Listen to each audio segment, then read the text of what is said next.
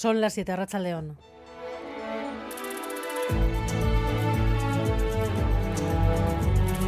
Gambara con Arancha García.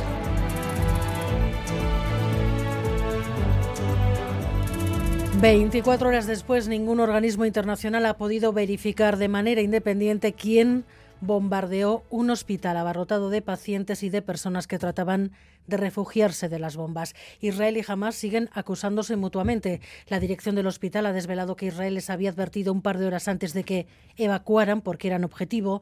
El nivel de destrucción no casa con la capacidad de los cohetes de las milicias palestinas, pero Israel insiste y ha publicado fotos, supuestas conversaciones de milicianos para tratar de sostener la autoría de la yihad. El momento más crítico desde el 7 de octubre ha coincidido con la llegada de Joe Biden a Tel Aviv.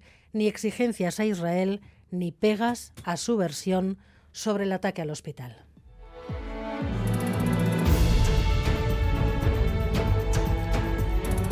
Lo único que se apunta a Biden en este viaje, el anuncio de que Israel permitirá de entrada la ayuda humanitaria a Gaza, algo que ya parecía, por otra parte, que había conseguido Blinken hace una semana. John Fernández. Sí, parecía que el lunes por la mañana con el secretario de Estado estadounidense en Israel podía alcanzarse ese acuerdo que al final no se produjo. La ayuda humanitaria sigue acumulándose a las puertas de Gaza y Joe Biden hoy ha pedido a Netanyahu que permita el acceso controlado de esa ayuda. Israel habría dicho que sí.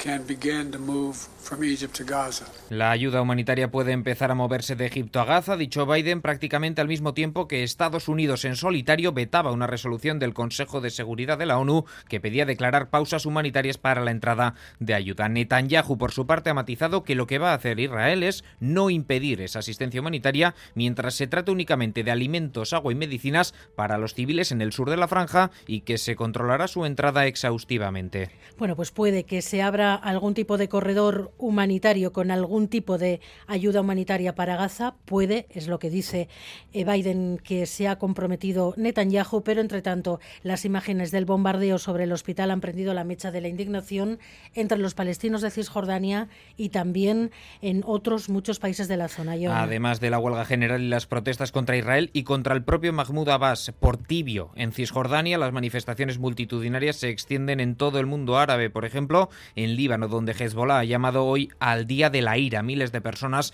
han mostrado su apoyo a los palestinos frente a la Embajada de Estados Unidos. Se han decretado tres días de luto, por ejemplo, en Siria, Irak o Egipto, con movilizaciones multitudinarias. En Irán, miles de personas se han echado a la calle entre gritos de muerte a Estados Unidos y muerte a Israel y las protestas se han extendido también a Jordania, Irak, Qatar, Túnez, Turquía o Marruecos. ¿Hay solución a medio plazo? ¿Hay alguna oportunidad para la vía diplomática? Hoy la autocrítica en nombre de Europa de Josep Borrell. No hemos hecho todo lo que habría que haber hecho para que los acuerdos de Oslo se lleven a la práctica. El número de colonos palestinos en los territorios ocupados se ha multiplicado por tres y el espacio del posible Estado palestino se ha ido reduciendo y recortando.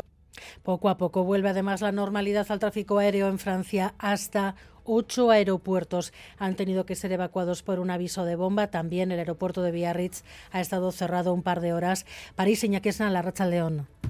Arrachaldeón, Lille, Burdeos, Toulouse, Beauvais, Niza, Lyon, Nantes, Rennes, Estrasburgo, Po, Carcassonne, Brest, Lourdes y también el aeropuerto de Biarritz. Alerta al aeropuerto de Toulouse. Todos han recibido amenazas de bomba en distintas horas del día por correo electrónico o por teléfono. En algunos casos se han limitado a instalar perímetros de seguridad por algún tipo de objeto sospechoso. Los artificieros, en cambio, han constatado una vez más que no había ningún explosivo. A esta hora, prácticamente todos los aeropuertos operan con normalidad. Los 38.000 socios de la Real Sociedad, entre tanto, han recibido hoy una carta de alerta. El club ha sufrido un ciberataque que podría comprometer sus datos. David Veramente, ¿qué sabemos? A León. Sí, a León. Buenas tardes a todos. Eran las 5 de la tarde cuando abonados y accionistas de la Real Sociedad recibían un email del club, un correo en el que la Real les informaba de que había sido víctima de un ciberataque. Al parecer, este ataque ha afectado a distintos servidores donde el club almacena datos de los abonados y accionistas, nombre, apellidos, número del DNI, teléfonos y, como no, también números de las cuentas bancarias. Por eso, la Real ha solicitado consultar todas estas cuentas. Sorpresa y pequeño susto entre los abonados. Les escuchamos. Sí, sí me he pillado un poco de sorpresa y, ostras, y he ido ahí a, a, a Cuchanet y he mirado y tal y nada, no, no ha habido nada raro. Yo de momento estoy tranquila, pero por cautela seguiré mirando la cuenta. Porque claro, tienen mi correo, tienen el correo de la peña. Eta bueno, ba, baina etxe iritsi berri, ba, ordenagailu sartuko naiz eta nire kontuk eta behituko ditut, bazpare ba, behituko dut eta lasaiago geldituko gara. La Real ya ha movilizado sus recursos para solventar el incidente. Ha informado a la Agencia de Protección de Datos. Por ahora, poco más remiten a la comparecencia de mañana jueves del presidente Joaquín Aperribay. Y otra jornada de temperaturas tropicales, la de hoy, debido al viento del sureste, suroeste, que en algunos momentos eh, ha soplado con fuerza, pero atención, porque mañana nos llega otro fenómeno, una borrasca con fuertes vientos y precipitaciones que va a bajar bastante las temperaturas. Eder Menchaca. Sí, damos la bienvenida a Lin, esa profunda borrasca que generará un temporal marítimo. Traerá consigo mañana abundantes chubascos y fuertes rachas de viento. Ninche Salazar, Euskalmet se va a acercar generando vientos fuertes del suroeste y mañana nos traerá lluvia, sobre todo por la tarde, va a ser lluvia abundante. Por la tarde llegará la gran cantidad de lluvia que esperamos. A partir de las 12 desde esta noche, Euskalmet activa el aviso amarillo por fuertes vientos en zonas expuestas que alcanzarán los 100 kilómetros por hora y llegarán a los 80 en zonas no expuestas. Esta borrasca, Alin, también llega a Navarra, Peyoria, Aemet cruzará Navarra de oeste hacia el este. La tarde del jueves pueden darse precipitaciones cuantiosas, ambiente inestable, también fuertes rachas de viento.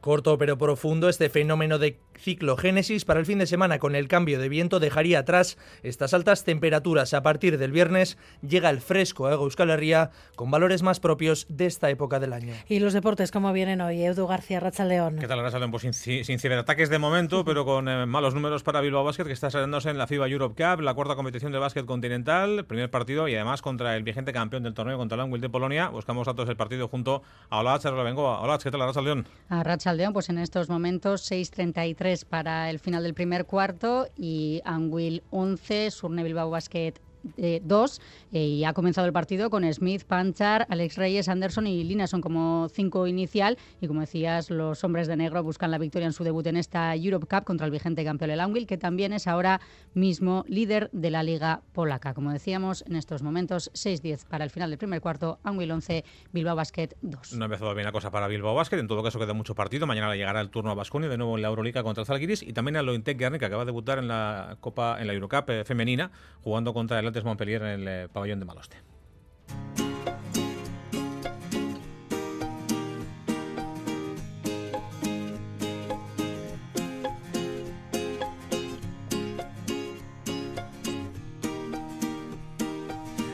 Nuestra contra hoy va para los cuatro ciclistas de Carranza que se encontraron cara a cara con un oso al subir un puerto de montaña.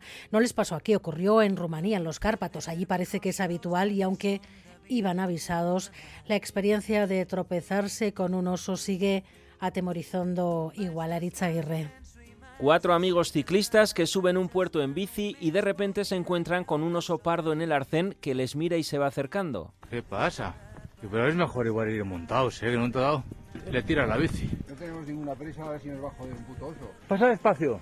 yo tiraría, ¿eh? ¿Qué haces? ¿Te paras, te bajas de la bici y sigues andando o te escapas acelerando el pedaleo? Los cuatro ciclistas de Carranza optaron por seguir caminando como si nada estuviera pasando. Así nos lo cuenta uno de ellos, Hugo Iza. Ves osos pues, que están puestos de pie, pues como están pidiendo comida a los coches y nosotros íbamos prevenidos de que había osos. Nos lo encontramos de repente porque no esperamos encontrarnos ahí. Entonces sí que nos acojonamos un poquito. Los ciclistas ya están de vuelta y el vídeo se ha hecho viral, pero no es ni de Navarra ni de Cantabria como se pensó al principio, sino de Rumanía, la famosa carretera Transfagarasa que cruza un parque natural en Transilvania donde es muy común encontrarse con osos que se acercan a por comida que les lanzan desde los coches, aunque por si acaso recomiendan ir prevenidos. Llevamos sprays de sal y pimienta de para osos, pues sí que llevamos sprays por si acaso. Y sugieren quedarse quieto o retirarse despacio si el oso se acerca abruptamente. En este caso el oso fue más dócil que las palomas cuando en busca de comida saltan las terrazas de los bares.